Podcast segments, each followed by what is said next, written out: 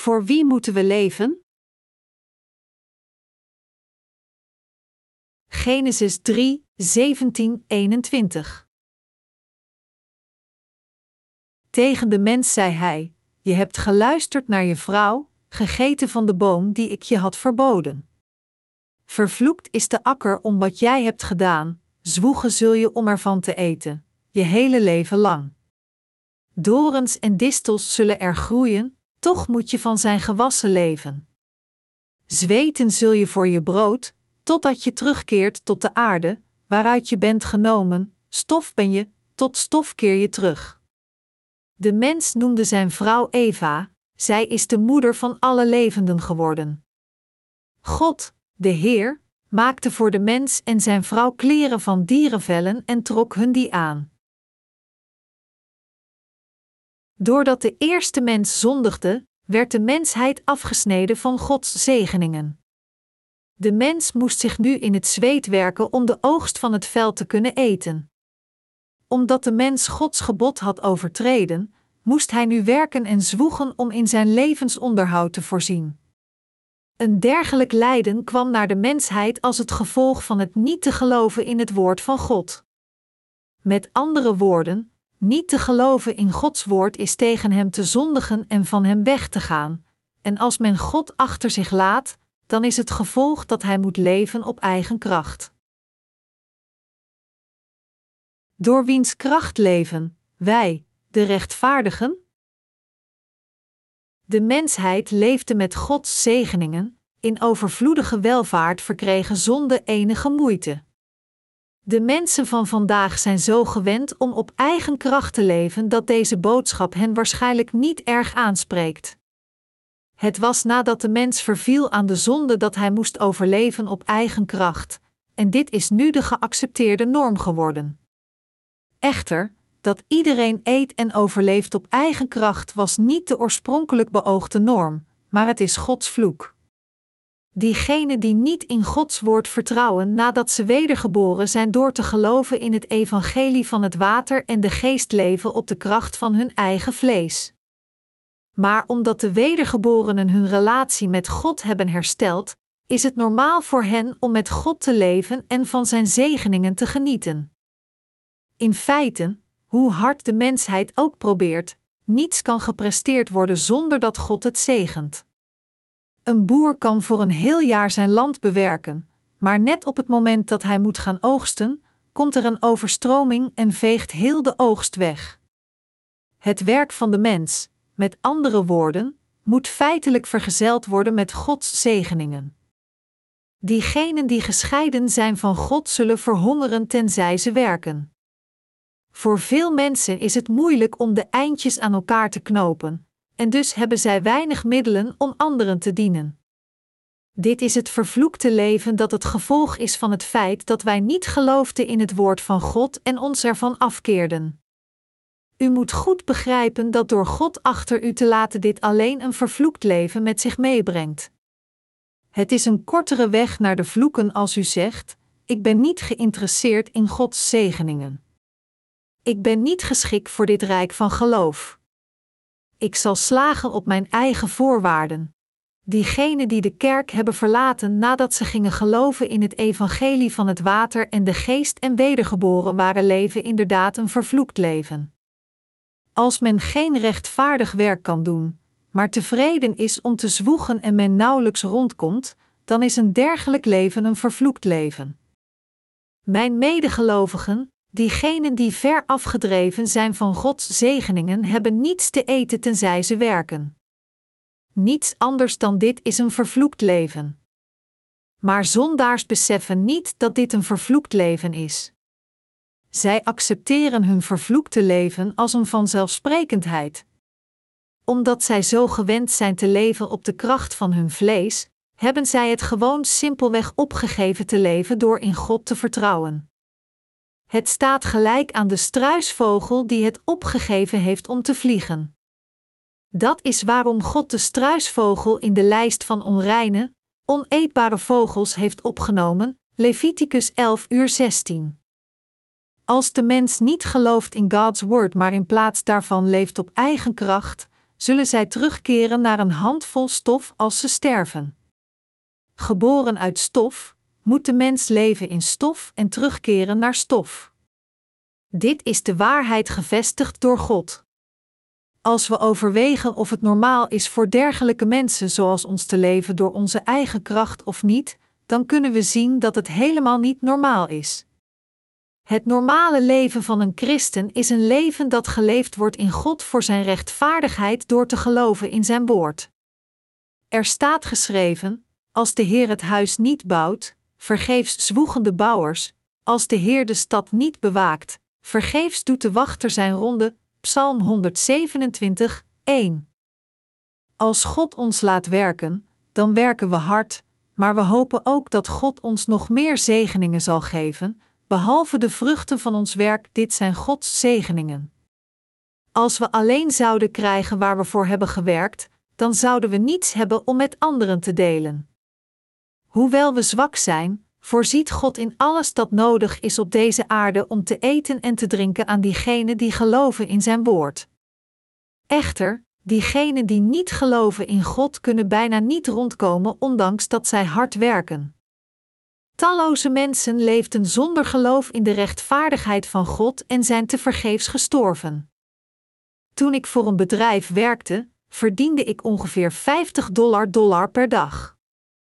Ik moest de eindjes aan elkaar knopen met alleen maar 50 dollar, dollar per dag. Er was bijna geen geld meer over nadat de huur betaald was, voedsel gekocht was en de rekeningen betaald waren. Ik haatte dit leven. Ik ben ook geboren uit stof, maar ik verafschuwde een dergelijk zinloos leven. Ik wilde leven met Gods rechtvaardigheid en zijn zegeningen, volgens de wil van Gods verlangen. Dus hoopte ik dat God mij zou toestaan het evangelie van het water en de geest te dienen door zijn kerk. God zei dat waar de naam van Jehovah herinnerd wordt, hij dit zou zegeningen, en ik geloof dat dit betekent dat God datgene zegent waar het evangelie van het water en de geest wordt gepredikt. Dus mijn hart verlangde er oprecht naar dit evangelie te prediken. Ik wilde geloven in Gods zegeningen, bevrijd van de beperkingen van een leven dat mij alleen de producten van mijn eigen werk gaf, en ik wilde leven als iemand die het evangelie van het water en de geest over de wereld verspreidt. God stond mij toen toe te ontsnappen aan mijn vervloekte leven. Diegenen die nog steeds proberen te leven op eigen kracht, zelfs nadat zij zijn wedergeboren door te geloven in het evangelie van het water en de geest, beseffen niet hoe overvloedig het gezegende leven van God is. Zij wijzen het gezegende leven dat God hen gegeven heeft af. God wil niet dat wij alleen leven door onze menselijke kracht. De mensen zijn eervolle wezens, en de eervolle moet eervol werk doen en leven met Gods zegeningen tot Hij voor Zijn aanwezigheid staat. Maar veel mensen leven zonder zich hun eigen eer te realiseren, dit is niets anders dan een vloek. Het is zo dwaas van ons om terug te keren naar onze oude levens om alle te zorgen voor onszelf en onze eigen familie zelfs nadat we zijn bevrijd van onze zonden. Het is voor mij zo frustrerend te zien dat sommige werkers terugkeren naar hun oude levens van het vlees. Ze doen dit omdat ze niet geloven in de rechtvaardigheid van God, ondanks dat ik geprobeerd heb hen te berispen door te zeggen: Het enige dat u kunt zien is dat. Als u echt bezorgd bent over uw familie, dan moet u net zoals Jozef leven met geloof en heel uw familie redden. Waarom wilt u terugkeren naar een vervloekt leven? God zegent het geloof van de dienaren die zich verenigd hebben met Gods rechtvaardigheid. Als sommige rechtvaardige mensen zich in het zweet werken om amper te overleven en hiermee tevreden zijn, dan is dit omdat hun geestelijke ogen nog steeds niet geopend zijn om te weten en te geloven in de rechtvaardigheid van God, en omdat zij niet beseffen hoe Gods zegeningen in overvloed aanwezig zijn in het rijk van geloof. De wedergeborenen kunnen niet alleen leven van de bevrediging van het vlees. Dat is waarom onze werkers en onze studenten in de Missie School moeten leven door geloof. Er was een bepaalde werker die zijn eigen hebzucht volgde.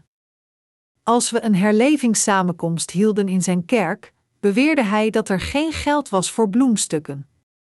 Ik had mijn twijfels en vroeg me af: zit zijn kerk zo krap bij kas dat hij zelfs geen bloemstukjes kan veroorloven? Zoals ik al vermoedde, kwam later aan het licht dat deze prediker zijn eigen hebzucht najaagde. Als zijn kerk geld had, dan stuurde hij dit niet naar het hoofdkantoor van onze missieorganisatie, maar stak het geld in eigen zak. De kerk waar hij predikte had nog nooit een bijdrage betaald aan de missie voor het evangelie van de Heer. Integendeel, het was de missie die hem met financiële middelen moest voorzien. In het begin dacht ik dat hij het moeilijk had sinds zijn kerk pas nieuw geplant was, en dus stuurde ik een andere werker met zijn vrouw om met hem te werken. Dit veranderde echter niets. Wat zat er in het hoofd van deze prediker? Dit is wat hij dacht: ik mag uitgeven wat ik heb verdiend. Waarom moet ik opgeven wat ik heb verdiend en het afstaan voor de verspreiding van het evangelie? Wat is er verkeerd aan dat ik neem wat rechtmatig van mij is sinds ik het met mijn eigen werk heb verdiend? Dit is waarom zijn ambt werd verwoest. De heiligen in zijn kerk hadden ook hard voor hem gewerkt. Er gebeurde iets en ik berispte deze prediker. Ik haalde hem van zijn positie in zijn kerk af, zodat ik hem korter bij mij in de buurt kon brengen om zijn ogen van het ware rijk van geloof te openen, maar hij weigerde te gehoorzamen, en zijn vrouw vertelde me dat ik mijn gedachten moest veranderen. Tot op vandaag heb ik nooit meer een dergelijke prediker en vrouw van een prediker in onze kerk gezien. Het koppel vertelde me: Dominee, wij kunnen niet doorgaan met ons ambt. Hij was principieel niet in staat het evangelie en de Heer te dienen. Het enige waar hij in geïnteresseerd was, was zijn levensonderhoud te voorzien en de eindjes aan elkaar te knopen, en dit was wat zijn geloof was. Hij had absoluut geen verlangen om in Gods rechtvaardigheid te vertrouwen en het evangelie van het water en de geest te dienen. Zoals de Heer zei: Een boom herken je aan zijn vruchten, om precies te zijn. Hij had alleen maar gedaan alsof hij geloofde in het evangelie van het water en de geest, en hij geloofde niet met zijn hart. Iemand die zegt dat het eerlijk is dat hij uitgeeft wat hij verdient, wilt alleen leven voor zijn eigen vlees. Dergelijke mensen zien de noodzaak om de Heer te dienen of Gods liefde aan andere zielen te prediken niet, noch worden zij gezegend door God, noch willen zij gezegend worden door God. Het enige dat zij willen is op hun eigen in deze wereld leven. Door dit te doen, veronachtzamen zij de doorn van lijden die groeit in hun harten. Dit is niets anders dan een lijdend hart. Ik moedig u aan te beseffen dat proberen te leven op eigen kracht het bewijs is van uw ongelovigheid. God wil niet dat dergelijke mensen hem dienen, noch wil hij hen zegenen. Voordat God ons vervloekte, was er voor de mens geen reden om in de tuin van Eden te werken. Sinds God de mens had voorzien met natuurlijke producten. Het enige wat hij moest doen was ervan te eten. Echter, door zijn zonde, moest de mens nu het veld verbouwen, zaad zaaien, de grond bemesten, de oogst oogsten en dan pas kon hij eten van zijn werk. Bovendien, dit vermoeiende werk moest helemaal opnieuw herhaald worden, en hetzelfde zware werk is blijven voortduren tot op de dag van vandaag. U en ik moeten nu geloven met onze harten in het woord van God, dat gekomen is door het evangelie van het water en de geest. En we moeten onze harten vernieuwen. Iedereen die probeert te leven op eigen kracht is iemand die niet gelooft in Gods rechtvaardigheid. En iedereen die niet gelooft in Gods woord is iemand die een grote zonde pleegt voor God. De Bijbel zegt: alles wat niet uit geloof voortkomt is zondig. Romeinen 14 uur 23. We moeten ons afkeren van onze vleeselijke gedachten. We moeten niet volgens onze eigen kortzichtige weg leven. Nog moeten we leven binnen onze eigen middelen. Integendeel, we moeten leven door ons geloof, gelovend in de rechtvaardigheid van God en Zijn kracht. De apostel Paulus beleidde: Ik ben tegen alles bestand door Hem die mij kracht geeft. Filippenzen 4 uur 13. We moeten leven voor God door te geloven in de kracht van Zijn rechtvaardigheid en Zijn zegeningen ontvangen, en niet door te vertrouwen op onze eigen vleeselijke kracht. Hoe kan iemand die wedergeboren is door het evangelie van het water en de geest terugkeren naar zijn ouders of broers, om terug te keren naar zijn oude leven? Als we onze ouders of broers willen redden, dan moeten we leven in het rijk van geloof, gelovend in de rechtvaardigheid van God. Door te leven volgens ons geloof, moeten we onze familie ook leiden om te worden gered van hun zonden. Als we het opgeven de Heer te dienen, dan zouden we onze eigen familie doden, in beide lichaam en geest. Dat is de reden waarom we de rechtvaardigheid van God moeten volgen. We moeten ons realiseren dat een vervloekt leven onvermijdelijk is voor diegenen die proberen op eigen kracht te leven, zelfs nadat zij geloven in het evangelie van het water en de geest en wedergeboren zijn. Het is vloek te leven door te vertrouwen op zijn eigen kracht in plaats van te geloven in Gods rechtvaardigheid. We moeten niet vervallen aan onze eigen vleeselijke lust, niets lerend over geloof in de rechtvaardigheid van God en zijn kracht, en dus moeten we werkelijk en tastbaar leven door geloof in Gods kerk. Pas dan kunnen we beseffen hoe ontoereikend we zijn, en dient te gevolgen, gaan we leren over het geloof in het ware woord van God en ons ermee verenigen. Iedereen die is wedergeboren moet het evangelie tastbaar in Gods kerk dienen. U en ik geloven in het evangelie van het water en de geest. We zijn wedergeboren en we hebben ons verstand gericht om te leven als Gods werkers. Wilt u dan leven alleen door de kracht van uw eigen vlees? Nee, het is als we geloven in Gods woord, het evangelie verenigd met zijn kerk dienen en in zijn domein met geloof leven dat we gezegend zijn. We moeten ons verstand richten op te leven door ons geloof in de rechtvaardigheid van God. Alle dagen van onze levens in deze wereld brengt alleen zwoegen en leed met zich mee. Psalm 90, 10. De mensheid moet terugkeren naar stof. Denkt u dat er iets groots is aan het leven van de mensheid? We zijn niets meer dan een handvol as als we sterven. Hebt u wel eens een crematie gezien? Nadat onze lichamen verbrand worden, is het enige wat overblijft een handvol as. We werken tot onze dood, maar wat blijft er uiteindelijk over? We zullen terugkeren naar een handvol stof. Zoals God zei: stof ben je, tot stof keer je terug. We moeten beseffen welk soort van leven het vervloekte leven dat op ons neerdaalde is. En eerder dan dit leven van vloeken te leven, moeten we leven door in de rechtvaardigheid van God te leven. God liet Adam zijn vrouw Eva noemen en maakte haar tot de moeder van al de levenden. En voor Adam en zijn vrouw maakte God ook tunieken van huid en kleedde hen ermee. Dit geeft aan dat God de mens heeft gered en hen met een nieuw leven beklede. Door dit te doen, heeft God hen toegestaan rechtschapen te leven, hen gezegend en hen vernieuw en hersteld. Maar desondanks, als we alleen op onze eigen kracht zouden leven, zelfs nadat we wedergeboren zijn, wat zou dit anders kunnen zijn behalve dan een vloek? Toen God al onze zegeningen had klaargemaakt, vertelde Hij ons alleen te geloven, om hierin niet te geloven en te leven door onze eigen kracht, is niets meer dan een vloek. Levend met geloof is het gezegende leven. Het is zo duidelijk. Ongeacht hoe capabel we ook zijn, we moeten zeggen: God, ik kan niet op mezelf leven. Ik kan niet leven tenzij ik rechtvaardige werken doe. Ik wil leven met uw zegeningen. Dit is het gezegende leven van geloof dat God plezier doet. Er zijn nog steeds mensen die niet hun eigen verstand aan de kant hebben gegooid, zelfs als zij in Gods kerk zijn.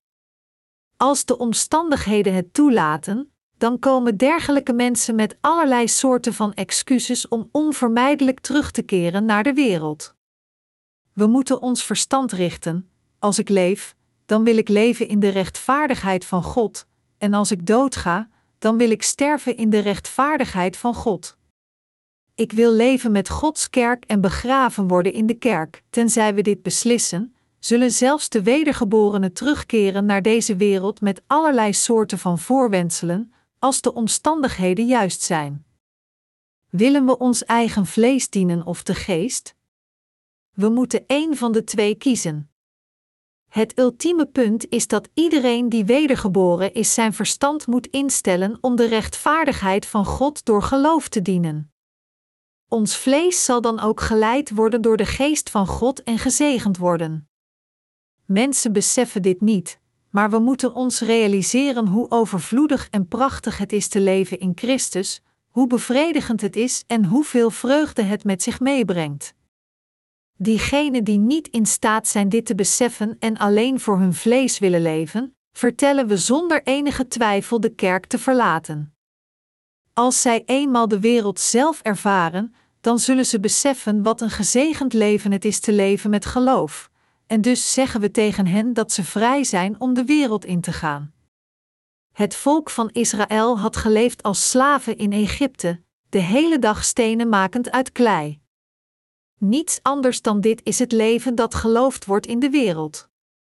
Als de wedergeborenen alleen hun eigen vlees willen dienen in plaats van de rechtvaardigheid van God te dienen, dat het woord van God is, dan staan zij tegen God, en als zodanig is hun leven een leven van twist en lijden vervloekt door God.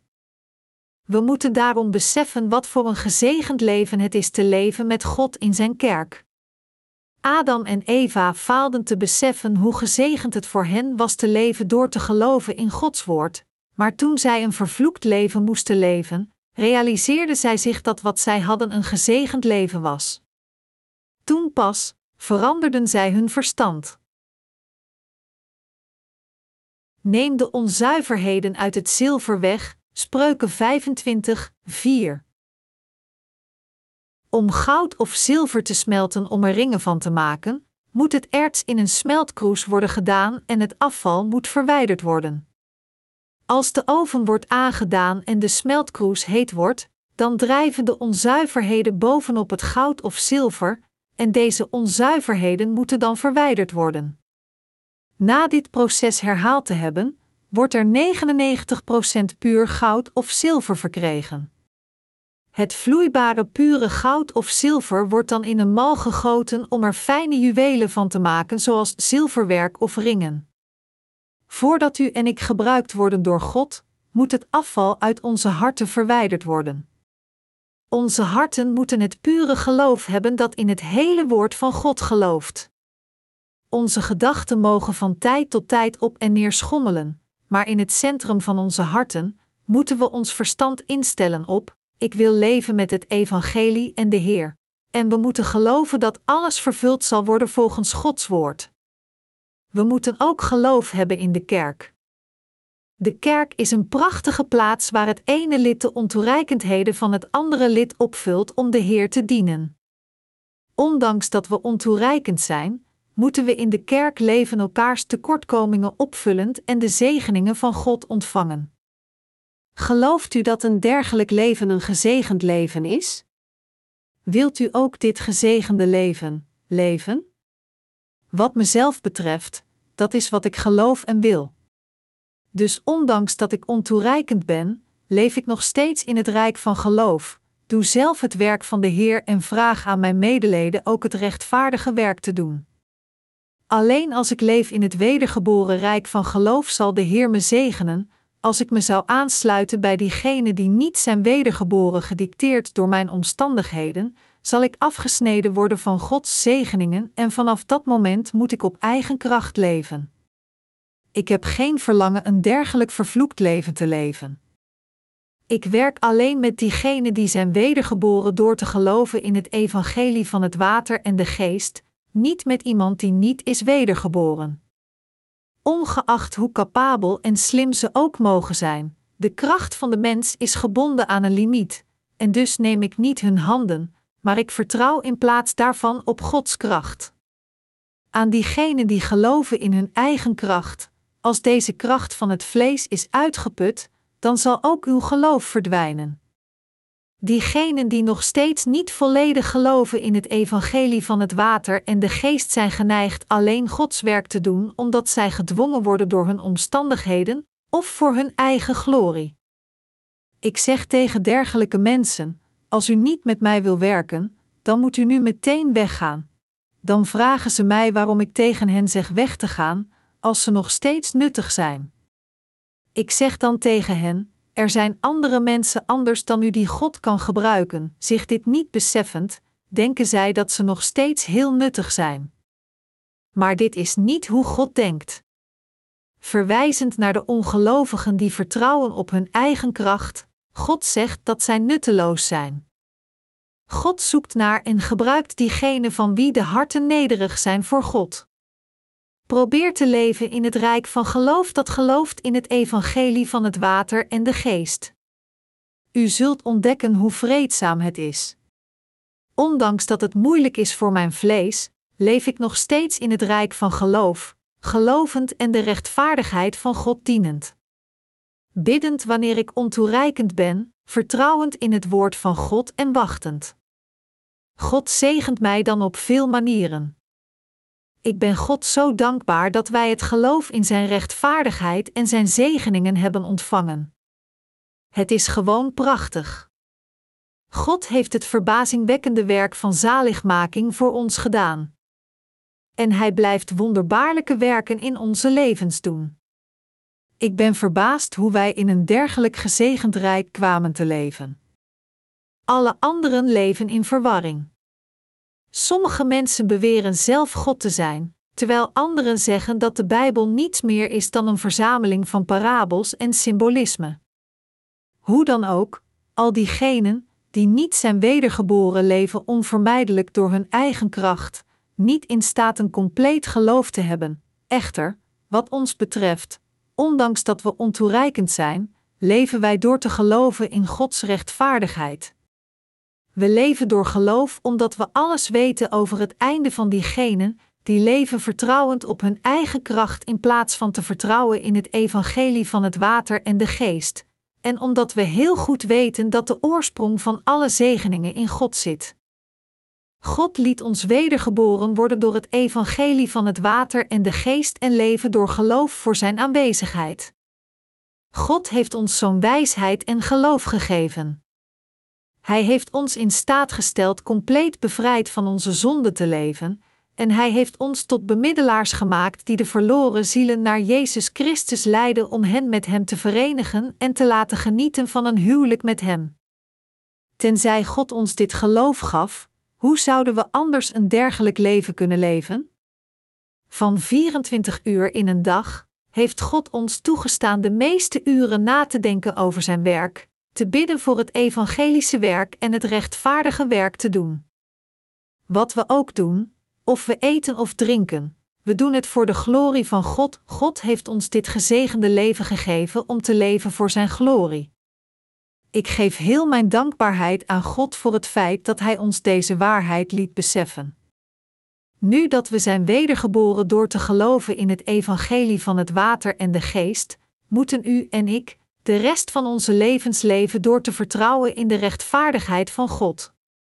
Door dit te doen, moeten we diegenen helpen die het evangelie van het water en de geest niet kennen wedergeboren te worden, en we moeten hen leiden naar een leven van zegeningen. Zelfs als we nog maar één dag te leven hebben, moeten we leven voor de rechtvaardigheid van God. Als onze levens alleen geleefd worden voor ons eigen vlees, dan kunnen we net zo goed nu opgeven. Ik suggereer hier niet dat diegenen die niet zijn wedergeboren nu meteen moeten sterven. Wat ik bedoel is dat de mensheid een leven leidt dat de moeite waard is. Eenmaal geboren, moeten we allemaal oud worden, ziek worden en uiteindelijk op het einde sterven, of we dit leuk vinden of niet. Waarin ligt dan de noodzaak dit zinloze leven te verlengen totdat we oud worden wachtend op de dood? Als de manier waarop we onze levensleven nutteloos is, dan is het beter voor ons, ons zo spoedig mogelijk om te keren en een leven te leven dat de moeite waard is. Wat is er om voor te leven behalve dan het plezier voor het vlees te zoeken? Echter, koning Salomo kwam tot de conclusie dat het compleet nutteloos is te proberen van het geluk in het vlees te genieten. Iedere dag moeten de mensen vroeg in de ochtend opstaan, om naar hun werk te gaan, ze komen terug thuis en staan weer op de volgende morgen, en dan herhalen ze hetzelfde ding keer op keer. Ze kunnen een paar keer per jaar op vakantie gaan, maar als we weer terug zijn, dan bevinden ze zich weer in de sleur van het dagelijkse leven, rond en rondgaand net als een muis die rondloopt in het rad, om gedwongen te worden vervroegd met pensioen te gaan en te wachten op de dood. Als dit het leven is, is het dan niet zeer zinloos? Echter, een dergelijk zinloos leven is niet wat God ons gegeven heeft, want Hij heeft ons een nieuw leven gegeven, een leven dat veel meer de moeite waard is. Anders gezegd, God heeft ons in staat gesteld een gezegend leven te leven. God heeft ons een gezegend leven gegeven. Door het woord van God en door ons toe te staan de bitterheid van het leven te proeven, stelde God ons in staat de leegheid van het leven en het nutteloze einde te beseffen. Was het niet door Gods woord, hoe zouden we anders een dergelijk einde op voorhand weten? En hoe zouden we anders kunnen geloven in het evangelie van het water en de geest, het gezegende woord van God? Kan de mensgemaakte filosofie de mensheid nobel maken? Kan de wetenschap het leven van de mensheid tot een gezegend leven maken? Nee. Alleen God heeft onze levens tot een gezegend leven gemaakt. Ik ben God zo dankbaar dat Hij ons in staat stelt een dergelijk gezegend leven te leiden. We hebben veel tekortkomingen. Maar desondanks worden we iedere dag vernieuwd door geloof. Natuurlijk is er voor- en tegenspoed zelfs in de levens van de rechtvaardigen. Soms vervallen we in vleeselijke gedachten en worstelen, maar als we versterkt worden door het woord van God en leven door geloof, zullen we een spiritueel leven gaan leven, zoals arenden zweven door de lucht. Een leven dat de rechtvaardigheid van God volgt, is een rechtvaardig leven, want het is een leven dat fundamenteel geleefd wordt in de Heer. Ik hoop dat uw levens niet het soort van leven is dat geleefd wordt in stof om alleen terug te keren tot stof. Ik wil dat ieder van u gelooft in het evangelie van het water en de geest en wedergeboren wordt, vertrouwt in Gods woord en leeft door geloof, en de zegeningen geschonken door God ontvangt en ervan geniet. Als u sterft, sterf voor het evangelie van het water en de geest in Christus, en als u leeft, leef voor het evangelie van het water en de geest om dit evangelie te dienen. God heeft het gezegende leven van geloof aan u en mij gelijk gegeven.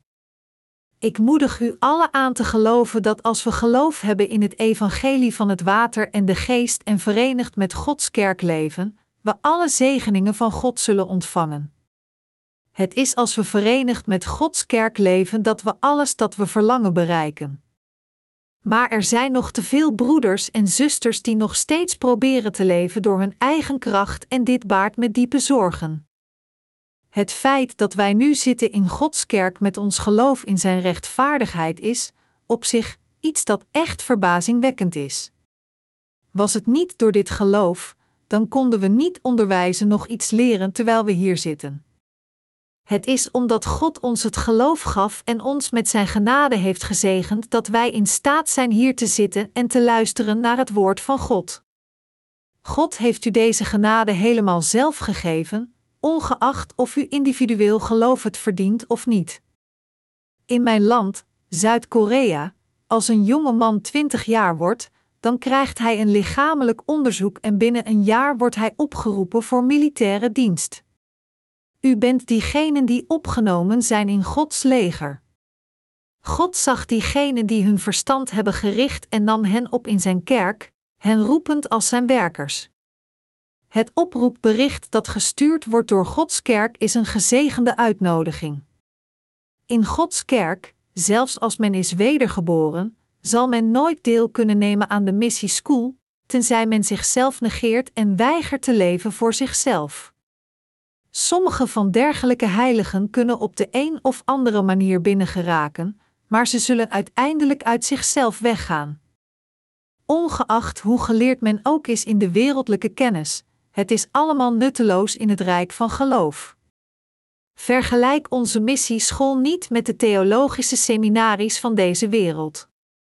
Al de seminaries van de wereld samengepakt kunnen niet vergeleken worden met onze missie school. Er valt niets te leren in seminaries. Tijdens deze seminaries leert men niets over Gods woord of over de Bijbel zelf. Als het niet over de Bijbel gaat, wat leren studenten daar dan? Wat daar geleerd wordt is theologische filosofie aangehangen door beroemde theologen en mensgemaakte doctrines. Ze leren, nadat Livingstone afstudeerde aan de Universiteit van Oxford, gaf hij zijn leven aan de mensen van Afrika, en dus moet u ook zoals Livingstone worden om de schuld die u Jezus Christus schuldig bent voor zijn liefde af te betalen. Talloze mensen investeren hun hele leven aan het studeren van theologie, maar hun investering is nutteloos. Geloven de theologen van de wereld in de goddelijkheid van Jezus? Ze kunnen dit niet geloven, want ze hebben niet de Heilige Geest van God. Zelfs de zogenaamde religieuze leiders van de wereld geloven niet in de goddelijkheid van Jezus. Zij zien Jezus alleen als een mens. Dit is waar theologie over gaat. Wie zijn de meest beroemde theologen? Wat is hun kijk op zaligmaking? Wat deden ze? Wat is hun denkwijze over de goddelijkheid van Jezus? Hoe geloofde Calvijn in Jezus Christus en wat heeft Luther gezegd? Dit wordt allemaal geleerd. Studenten leggen de Bijbel aan de kant en leren uit studieboeken zoals de systematische theologie, de inleiding tot het Nieuwe Testament en de introductie tot het Oude Testament. Het enige dat de studenten hoeven te doen om hun verdiensten te krijgen is Hebreeuws en Grieks te leren en een handvol opdrachten voor iedere cursus af te geven. Hebt u iets geleerd over Genesis 1 tijdens het seminar? U kunt niets leren over de waarheid waar hoofdstuk 1 van Genesis over spreekt, want deze waarheid wordt niet geleerd in een seminar. Bovendien kunnen ze zelfs in een seminar niet de algemene inhoud van de Bijbel omschrijven. Zelfs de studenten willen niet echt iets leren. Toen ik een gesprek had om toegelaten te worden tot een seminar, werd ik ondervraagd door een professor die me vroeg: Waarom wilt u deelnemen aan ons seminar? Dus zei ik tegen hem: Ik wil alles leren over de Bijbel. De professor vertelde me toen dat mijn antwoord verkeerd was. Hij zei: Dit is niet de plaats hiervoor. Dit is een institutie dat pastors opleidt. Uiteindelijk leerde hij mij het juiste antwoord en zei: Een seminar is waar pastors gemaakt worden. Hij vroeg toen opnieuw, en ik slaagde voor mijn toelating door zijn antwoord te herhalen. Hij vroeg me ook: Hebt u een sponsor? En zo ja, is uw sponsor betrouwbaar? Dus ik vertelde hem: Mijn moeder is het hoofd van een gebedretreite van onze gezinte, en door deze ene zin werd ik geaccepteerd in het seminar. Evangelist UM, die een van onze studenten was in de missie school, had voorheen aan een baptist seminar deelgenomen en zijn rechtvaardigheid werd vele keren gebroken tijdens zijn dagen in de missie school. Ik heb hem gezegd: U mag dan een bepaalde trots hebben voor het deelnemen aan een seminar, maar dat betekent niets. Wat u geleerd hebt in het seminar benadert nog niet de basis van de waarheid. Door te weten welke theoloog welke theologische ideeën aanhangt, laat u niet slagen in onze missie school. U moet geloven in het woord van de geschriften. Pas dan kunt u slagen. De missieschool in Gods kerk is niet een plaats dat dienende vaardigheden of filosofische inzichten leert, maar het is een plaats waar men leert over het geloof in zijn hart. God heeft ons verbazingwekkende zegeningen gegeven. Hij heeft ons de kerk, de missieschool en een plaats om te werken gegeven. Onze zegeningen van de Heer zijn wonderbaarlijk. U moet geloof hebben in de rechtvaardigheid van God, geloven in heel zijn woord, compleet vertrouwen op de kerk en geloven dat God met ons is, ons zegent en samen met ons werkt. Dit geloof moet in uw harten zitten. U moet weten wat God doet door de kerk en wat Hij zegt tegen de kerk. U moet beseffen dat het de Heilige Geest zelf is die u persoonlijk leidt, onderwijst en u verfijnt. U moet ook weten dat de Heilige Geest, onzichtbaar voor uw ogen, nu werkt in onze levens. U zult dit moeten weten als u opschept voor God. Ik zeg tegen de toekomstige leerlingen van onze Missie School: diegenen die niet geloven in het evangelie van het water en de geest zijn niet gekwalificeerd om aangenomen te worden in de Missie School. Diegenen die zonden hebben in hun harten kunnen niet de Missie School binnenkomen. Zelfs als zij worden geaccepteerd, zullen ze zelf uiteindelijk weggaan. Ondanks dat we geen beperkingen opleggen en we alleen de Bijbel leren zoals die is, kunnen zij het niet omarmen en lopen uiteindelijk weg. Dit is zeer verbazingwekkend. Mijn medegelovigen, als we eenmaal wedergeboren zijn door te geloven in het evangelie van het water en de geest, moeten we een gezegend leven in Gods kerk leven en ons geloof in de rechtvaardigheid van God plaatsen.